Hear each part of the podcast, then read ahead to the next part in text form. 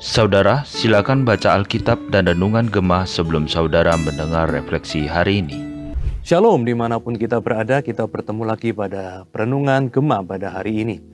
Mari kita akan bersama-sama membaca dari Mazmur 33. Silakan Anda membaca terlebih dulu keseluruhan ayat-ayatnya di Alkitab Anda. Dan setelah itu kita akan merenungkannya. Dan saya mengajak kita untuk bersama-sama berdoa terlebih dahulu. Tuhan kami mengucapkan syukur pagi hari ini Tuhan berikan dan kami juga bersyukur setiap kesempatan hidup Tuhan juga kasih kepada kami pesan-pesan firman Tuhan. Sehingga kami boleh hidup seperti yang Tuhan inginkan, kami boleh hidup mengenapi rancangan Tuhan, dan hidup kami boleh memiliki satu arti yang kekal, karena kami hidup dengan caranya Tuhan, dan Tuhan berkenan akan hidup kami, dan Tuhan memakai hidup kami. Terima kasih Tuhan, kami serahkan perenungan pada hari ini dalam tangan Tuhan. Dalam nama Tuhan kami Yesus Kristus, Sang Penebus, kami berdoa. Amin. Saya akan mengajak kita untuk membaca sebagian daripada bacaan pada hari ini Mazmur 33. Saya akan membacakan dari ayat 16 hingga yang ke-22. Mazmur 33 16 sampai yang ke-22. Seorang raja tidak akan selamat oleh besarnya kuasa, seorang pahlawan tidak akan tertolong oleh besarnya kekuatan. Kuda adalah harapan sia-sia untuk mencapai kemenangan yang sekalipun besar ketangkasannya tidak dapat memberikan keluputan.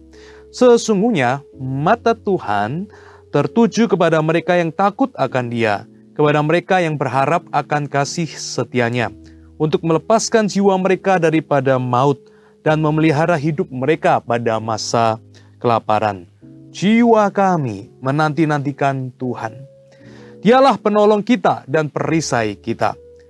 Ya, karena dia hati kita bersuka cita.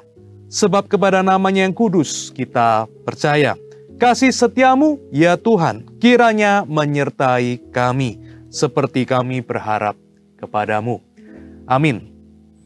Nah di dalam perenungan ini kita akan uh, melihat satu pesentuhan yang indah, bahwa pada bagian awal yang kita tidak baca dari Mazmur 33, tapi kalau Anda membaca, Anda akan merasakan bagaimana pemazmur itu memulai dengan sebuah pemikiran yang logis.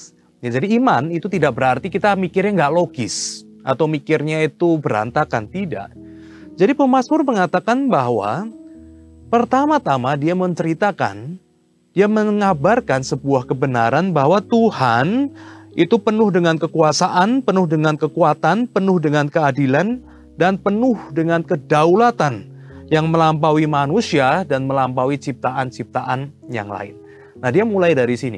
Karena kalau enggak nanti ke belakangnya ceritanya lain Bapak Ibu. Kalau Tuhannya tidak berdaya, nah nanti ceritanya di belakang lain. Kalau Tuhannya bukan Tuhan yang memiliki kebenaran ya seperti yang dituliskan ia senang kepada keadilan dan hukum, nanti dampaknya, efeknya itu berbeda. Nah ini jadi pentingnya kita memiliki kebenaran firman Tuhan yang menjelaskan hal-hal pokok tentang Tuhan itu apa itu penting sekali. Nah, pemazmur memulai dengan sebuah pemikiran yang logis tetapi sesuai dengan kebenaran firman Tuhan yaitu adalah Tuhan. Di dalam segenap kehebatannya, Tuhan di dalam segenap kebenarannya, Tuhan di dalam segenap kekuasaannya, maka dia itu berkuasa di atas segala-segalanya, berdaulat. Nah, dari situ baru kemudian dia masuk kepada dampak-dampak praktisnya. Setelah memuji Tuhan di dalam semua karakter-karakter keilahiannya, maka kemudian dampaknya apa? Efeknya apa? Yaitu adalah dituliskan efeknya itu jelas adalah rencana bangsa-bangsa tidak selalu terlaksana. Ini ayat ke-10. Kekuasaan raja tidak selalu berhasil. Kekuatan pahlawan tidak selalu mendapatkan hasil yang diinginkan. Kuda-kuda kekuatan perang yang luar biasa tidak selalu berhasil untuk menggenapkan apa yang dirancangkan oleh penguasa. Nah, ini menunjukkan bahwa kekuasaan Tuhan, kedaulatan Tuhan, kebenaran Tuhan itu ada efeknya ke dalam sebuah realitas kehidupan kita. Nah, Hari ini kita membaca ayat ke-16 hingga yang ke-22 dan saya mengajak efeknya dalam kehidupan kita itu khususnya apa. Nah, Tuhan itu berbicara kepada kita lewat Mazmur 33 ini. Jangan pernah kita putus asa. Jangan pernah kita itu putus semangat. Jangan sampai kita itu berhenti untuk mau melakukan yang terbaik. Jangan sampai kita itu mau berhenti untuk menjalani hidup ini. Karena kita itu putus asa. Karena kita itu merasa bahwa dunia ini terlalu kuat. Ada orang-orang dengan cara duniawi menggunakan kekuatan, menggunakan kekuasaan, menggunakan kekayaan. Saya sudah tidak berdaya lagi untuk menghadapinya. Saya sudah putus asa, putus harap. Di sini kita diingatkan lewat puji-pujian Mazmur 33 ini. Tuhan mengatakan bahwa seberapapun kuat, seberapapun berkuasa manusia ataupun yang lain, maka Tuhan itu ada di situ. Maka Tuhan itu mengajak kita, peliharalah semangat kita, peliharalah keyakinan kita, seperti yang dituliskan di ayat firman Tuhan. Jiwa kita menanti-nantikan Tuhan. Dialah penolong kita, dan dialah perisai kita. Nah ini sebuah realitas yang hari ini kita diajak. Ayo waktu kita mau putus asa, kita mau gentar, kita mau uh, merasa percuma untuk berjuang lagi, ingat selalu Mazmur ini.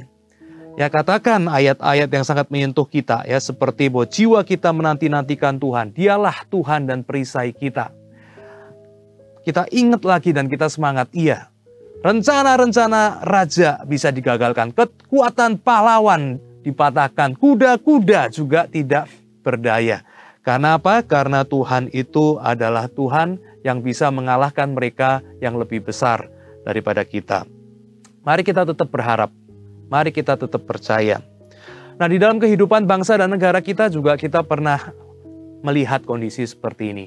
Kita ada di negara Indonesia ya, kita ada sebagai satu bagian yang tidak terpisahkan dari negara kesatuan Republik Indonesia dan di tahun 1945 pernah terjadi sebuah percakapan level nasional. Bagaimana negara Indonesia ini akan dibangun setelah proklamasi kemerdekaan, setelah bebas daripada penjajahan. Nah, di situ kita juga bisa melihat ya bahwa memang sebagian besar daripada populasi Indonesia pada waktu itu, ya kalau Indonesia sedang dibentuk ya tetapi dari uh, Sabang sampai Merauke. Nah, itu sebetulnya hampir 90% itu sebetulnya adalah umat muslim. Nah, ini adalah fakta. Nah, tetapi ternyata ya di dalam sebuah perjuangan ya menghendaki sebuah kesetaraan karena semua berjuang, semua berjuang, etnis apa pun berjuang, ya demikian juga agama apa pun juga berjuang ya kemudian ya nampaknya ya itu memang bukan kondisi yang gampang tetapi ternyata Tuhan bekerja ya Tuhan bekerja di Indonesia setiap bangsa punya caranya Tuhan masing-masing tetapi akhirnya ya nampaknya ya waktu itu kesetaraan itu mungkin agak sedikit terasa berbeda ya karena di situ yang ditegaskan di situ adalah ya keinginan akan uh, sebuah hukum ya daripada agama mayoritas untuk masuk di situ di dalam Pancasila. Nah, tetapi kita melihat ya bahwa ternyata Tuhan itu bekerja. Tuhan melembutkan hati-hati setiap orang yang ada di dalamnya dan Tuhan mengadakan perbincangan walaupun tidak mudah ya, tetapi satu hal kita lihat ya, betul loh di dalam sejarah itu bisa. Bahwa nampaknya yang begitu kuat, nampak yang begitu tidak tergoyahkan, ternyata bisa juga loh ada jalan keluar yang tidak terduga.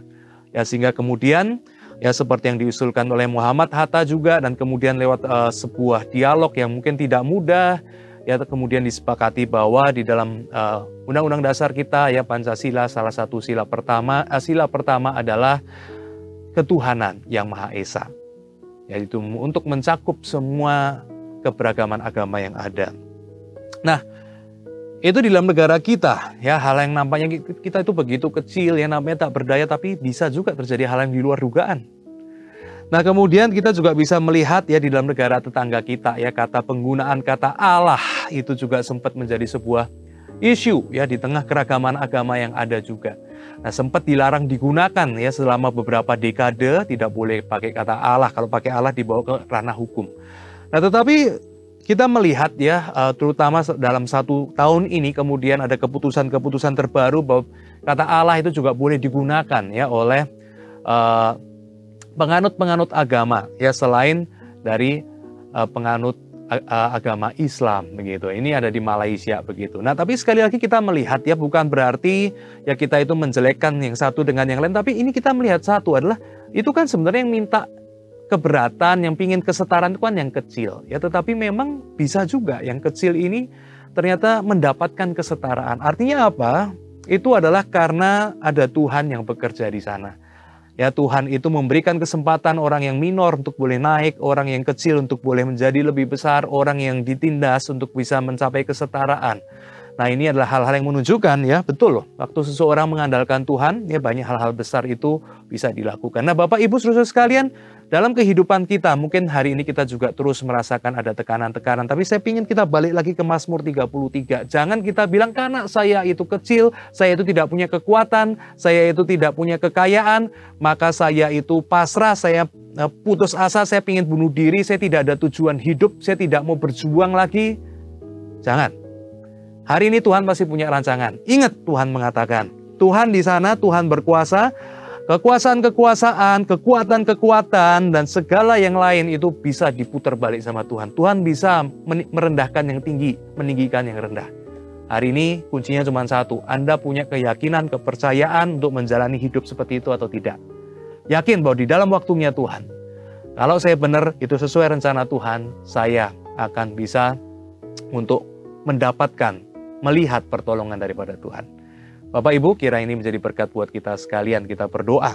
Tuhan mengucapkan syukur kesempatan kami merenungkan akan Mazmur 33 ini. Biar hati kami penuh dengan puji-pujian sesuai dengan Mazmur 33 ini. Percaya bahwa Tuhan kami tidak ingin punya hati yang lemah, tidak ingin punya hati yang gampang putus asa, kami tidak ingin punya kerinduan untuk mengakhiri hidup kami karena merasa hidup ini tidak berdaya, hidup ini tidak punya tujuan. Kami mau kembali bahwa Tuhan ada bersama dengan kami, Tuhan akan menjadi pertolongan kami, Tuhan akan menjadi perisai kami di dalam waktu Tuhan dan cara Tuhan yang terbaik. Kami tahu semuanya akan tergenapi hal-hal yang baik. Terima kasih Tuhan, kami serahkan diri kami dalam tangan Tuhan. Dalam nama Yesus Kristus, kami berdoa dan kami bersyukur. Amin. Makasih Tuhan berkati kita sekalian. Amin.